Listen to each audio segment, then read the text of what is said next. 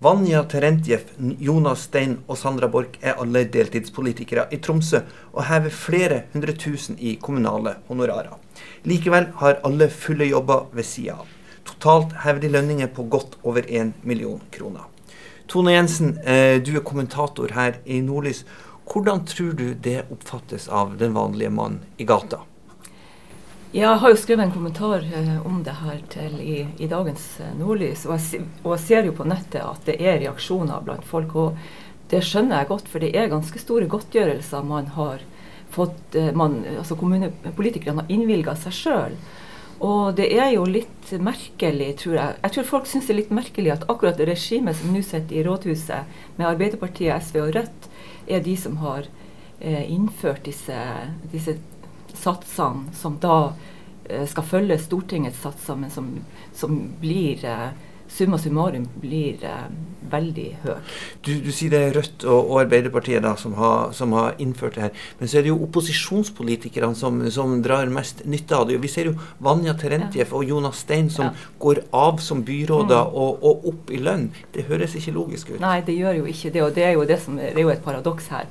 At uh, det er jo uh, opposisjonen, de som har mindre ansvar, som rett og slett uh, uh, profitterer mest på det her. Og, og jeg syns jo det er litt sånn merkelig at eh, de kan sitte i si, fulle stillinger i jobbene sine, og allikevel ja, ha, altså være politiker på det nivået de er. Det blir jo en sånn 170% stilling hvis man skal summere alt. Syns også det er merkelig at Høyre eh, ikke finner det underlig at hun, Terentiev sitter i full stilling for, for Høyre, eh, i, eh, som da også er hennes sivile jobb, og samtidig har, eh, har det her kommunepolitikervervet. Og at ikke, altså, at ikke man, Høyre som, som arbeidsgiver reagerer på det.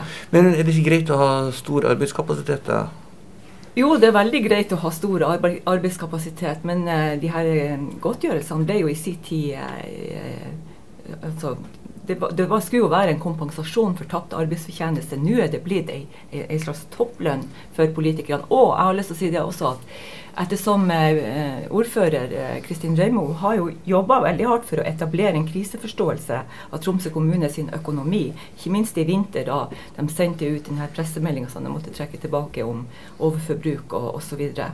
Og, og når man da har etablert en kriseforståelse, er det veldig rart at man kan operere med over 440 000 for å sitte i formannskapet, og at en gruppeleder som eh, Sandra Borch, som Senterpartiet, har 170 000 i godtgjørelse for å være gruppeleder i kommunestyret i ei kommunestyregruppe som kun består av henne sjøl. Ketil Sakariassen, du er historiker ved, ved, UiT. Hva tenker du om eh, Tromsø-politikernes honorarer? Det er jo veldig lett å reagere på, på det lønnsnivået det, det blir til sammen. Altså den her totalsummen en får. Samtidig så, så, personlig så tenker jeg at det er ganske viktig at vi altså Spørsmålet er skal vi ha en byråkratstyrt kommune eller en politikerstyrt kommune. og da tenker jeg at det er viktig med politikerstyrt, og da må vi ha godtgjørelser. Men det er klart at når de sparer opp godtgjørelser, og det blir på det nivået, så reagerer man. Eh, Syns du det er greit at et formannskapsmedlem eh, av, eh, honoreres med eh, halv stortingslønn, og de har møte én dag i uka? Uh, jeg regner med at de bruker mer tid enn bare møte, at det er en del forberedelser å gjøre. sånn at det er litt vanskelig uh, å se om, det er rett. Det er klart at det blir store summer av det, det blir det. Men om akkurat lønnsnivået har jeg, syns jeg faktisk er vanskelig å uttale meg om. Vi skal over til et nytt eh, tema. Regjeringa ønsker å slå sammen flere fylker. På Vestlandet så har de kommet langt i planlegginga, og det samme har, har de i Trøndelag. I nord så er det samtaler mellom eh, Troms og Finnmark, mens Nordland de vil ikke være med og leke. Foreløpig, i hvert fall. Hva tenker du om det, eh, Ketil Sakariassen? Um, nei, jeg tenker på Jeg, jeg, jeg syns det er synd. Personlig så syns jeg det er synd. Jeg tror vi har Hva du synes er synd? At man ikke kommer i samtale om en større region når det som skjer på Vestlandet og i Trøndelag. Så tenker jeg at det er synd at, at ikke man, man er interessert i å, å diskutere det her. Uh, for det er noen momenter i forhold til, til Nord-Norge. Vi, vi, vet at det er en region der som har ganske sånn sterk identitetsfaktor. altså Folk føler seg som nordlendinger, som nordnorsk. Men samtidig har det vært på, på det politiske nivået veldig vanskelig å få til et samarbeid. Eh, eller det, Samarbeidet har på en måte gått i oppløsning fra midten av 90-tallet og frem til i dag. Og det tenker jeg er, det er synd, men det, det, har, det har, noen forklaringer. Og jeg, jeg tror at man må være eh, ha noen, noen, bevissthet omkring det. Eh, jeg har jo sjøl jobba litt med det som har skjedd i, innenfor eh, for forholdet delvis mellom Tromsø og Bodø. Og det er klart at det har vært dårlig. Og det går tilbake til Sparebanken Nord-Norges forsøk på oppkjøp av Nordlandsbanken. Det, det, var et veldig dårlig signal for Bodø. Det vekket sterke reaksjoner. Eh, saken om Hurtigruten, altså OVDS og, og, og TFDS-sammenslåing, altså Nord-Norges dampskipsselskap, som havarerte, som på en måte trigga de her motsetningene ytterligere. Og jeg tror også i Bodø så har det vært en var det kanskje en skuffelse over at den følelsen av universitetets tanken der ikke ble på en måte jubla frem fra, fra Tromsø og Troms. Er det sånn at man ikke stoler på hverandre? Vil, sånn jeg ser det, ja, så virker det sånn. Og det er klart at når landsdelsutvalget gikk i oppløsning, så var jo det nettopp et utslag av, av det. Eh, Asbjørn Jaklin, journalist eh, og forfatter. Du, du, mener litt populistisk sagt at eh, Nordland er skurken.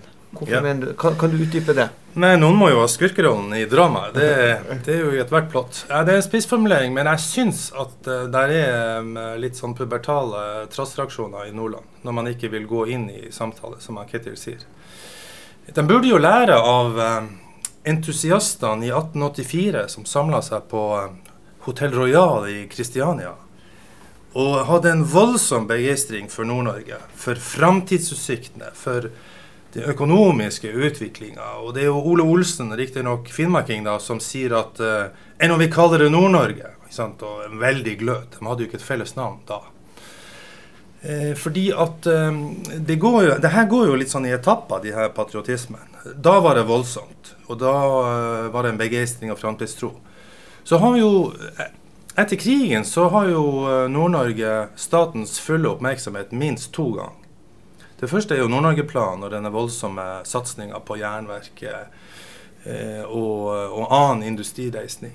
Eh, og så har jo nordområdene-satsinga i nyere tid, som også var at staten kjekk nordover gjennom eh, Jonas Gahr Støres berømte tale på universitetet. Og når det er sånne muligheter. Altså det åpner seg noen vinduer hvor regionen er i fokus, som det nå igjen er, så er det jo synd at vi ikke klarer å samle krefter. Det er jo litt av en, litt av en region det her kunne bli. Men, men, men uh, hvorfor er det sånn? Hvorfor er Nordland skurken, som du sier? Nei, altså det Universitetspoenget uh, er jo godt. Man, uh, man, har et veldig ungt universitet. Man, man, noen ønsker å slå det sammen med Tromsø og så får du en, eh, en eh, trassreaksjon. Og det er veldig forståelig fordi at du er, eh, du er tenåring, ikke sant. Og du, det er et ferskt universitet. Samtidig er det jo en del argumentasjon fra Nordlands side som, som går ut på at hør her, vi er industrifylke, og hva dere egentlig lever opp der oppe i nord. Statlige arbeidsplasser osv. Og, så og det er jo sant at Nordland har jo langt sterke industritradisjoner. Men det er jo ikke et argument mot å slå det her sammen. Det er jo nettopp et argument for at ved å forene den type tradisjoner med, med Troms og Finnmark sine kvaliteter, så kunne du bygd opp en, en fornuftig eh, region. Tone, eh, du er opprinnelig fra Nordland, kommer fra Lofoten og eh, jobber og bodd i både Bodø og nå sist i, i Narvik. Er, er, Nordland en eh, trassig tenåring? Ja, jeg, jeg tror Asbjørn drar det litt langt. Jeg, har, jeg, føler kanskje litt behov for å forsvare også. fordi at det er veldig synd, Jeg er enig i at det er veldig synd at vi ikke kan møtes og snakke om det her. Eh, for, bare for å ta det først. Altså, for det, de, disse regionene som du kan dukke opp, altså Vestlandet med de tre fylkene, er 1,1 millioner innbyggere. Det blir store, tunge faktorer i, i norsk eh, politisk sammenheng. Vi, eh, vi kan risikere at vi sakker enda mer akterut.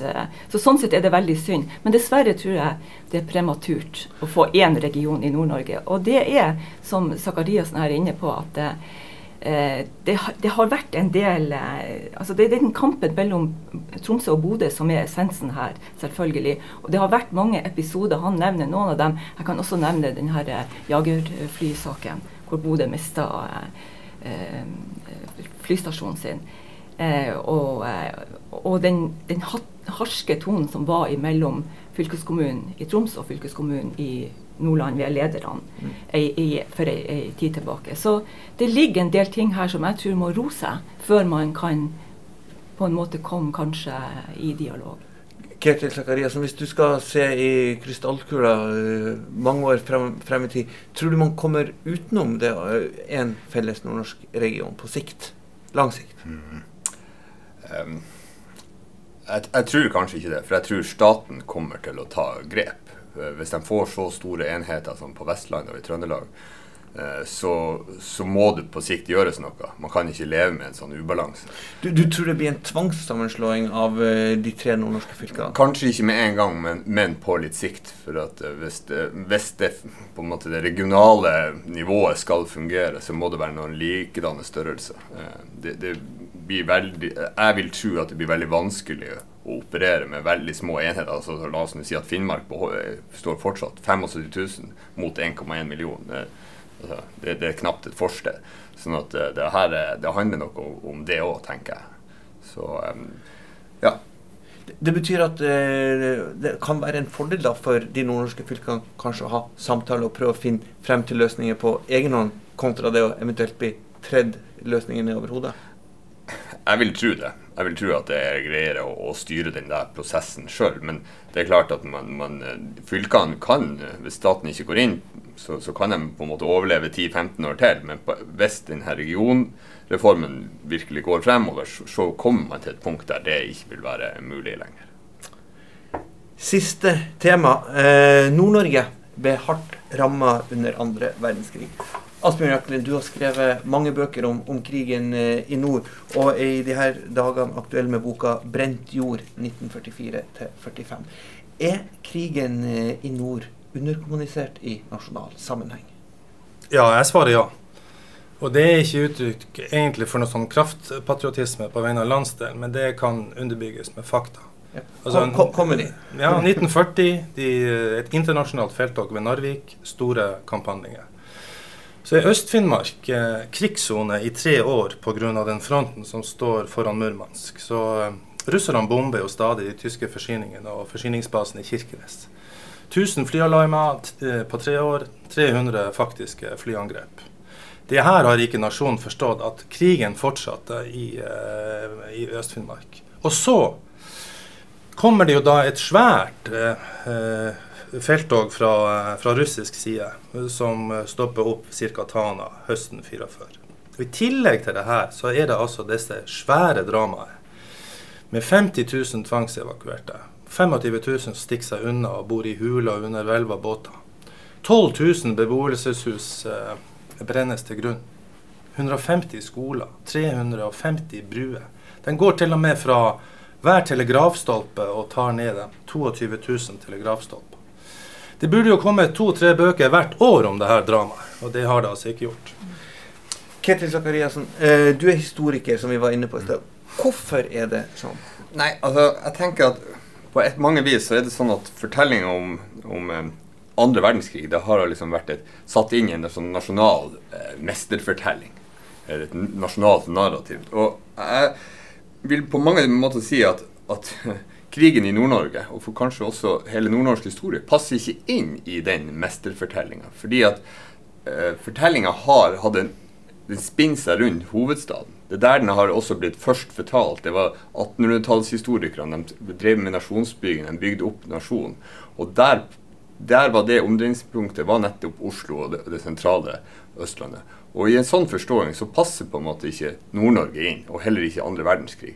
Så det er på en måte det som ikke passer inn i den store fortellinga. Så blir det for, forsterka etter verdens, andre verdenskrig, med knytta til, til, både kald krig, og, men også på, på, eh, på, at det er noen andre som kjemper seg frem. Og det er jo også der hjemmefronten og det, rundt, rundt det.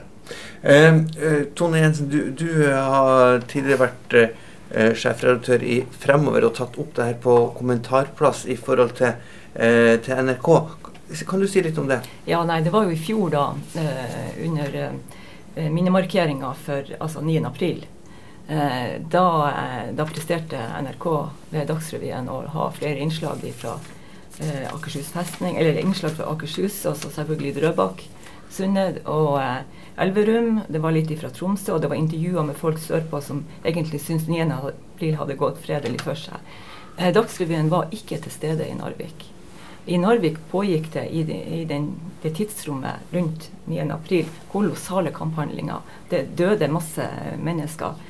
Og jeg syns det var en skandale. Jeg skrev en kommentar om det, og, og det førte til at eh, NRK la seg flat. Fordi de, eh, de, var enig i at de burde vært til stede i, i Narvik som, som, eh, som, som den, den, det åstedet det var for 75 år siden.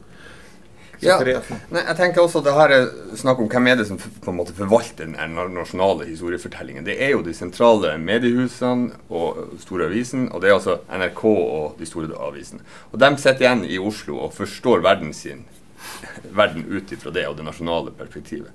Så jeg tenker at det har Og sånn har det vært lenge. Så det er liksom en del av den fortellinga om krigen i nord, eller hvordan den på en måte blir oversett. Det er nettopp det perspektivet de har, og det, det er festa i et helt annet sted enn i det nordnorske. Eh, hva, hva, kan man gjøre for, for, å endre på det? Nå har vi jo da forfattere som, som Asbjørn Jakni, som skal få ordet igjen snart, som, som skriver bøker om det her. Og, men, men eh, hva skal man gjøre for å, for å få øynene eh, opp i en nasjonal sammenheng for, for, det som har skjedd her? Ja, det, det, ene er jo at det må skrives bøker, og det må tas opp, og må gjøre det. Og klart at media har et ansvar på det også. Men, men, kanskje må man også skape noen andre sterke fortellinger som har et annet omdreiningspunkt enn akkurat rundt, rundt Oslo. Og det tenker jeg at det er det Asbjørn Jaklin har gjort, og som i flere bøker. Og det er, er med på det. Men det her må man huske at det er en lang prosess. For de fleste av oss de har det vi kan fra lærebøkene vi gikk på barneskolen, ungdomsskole. Det var bøker som var skrevet på 50-, 60-, 70-, 80-tallet, kanskje 90-tallet der er det ikke den Asbjørns fortelling som når frem.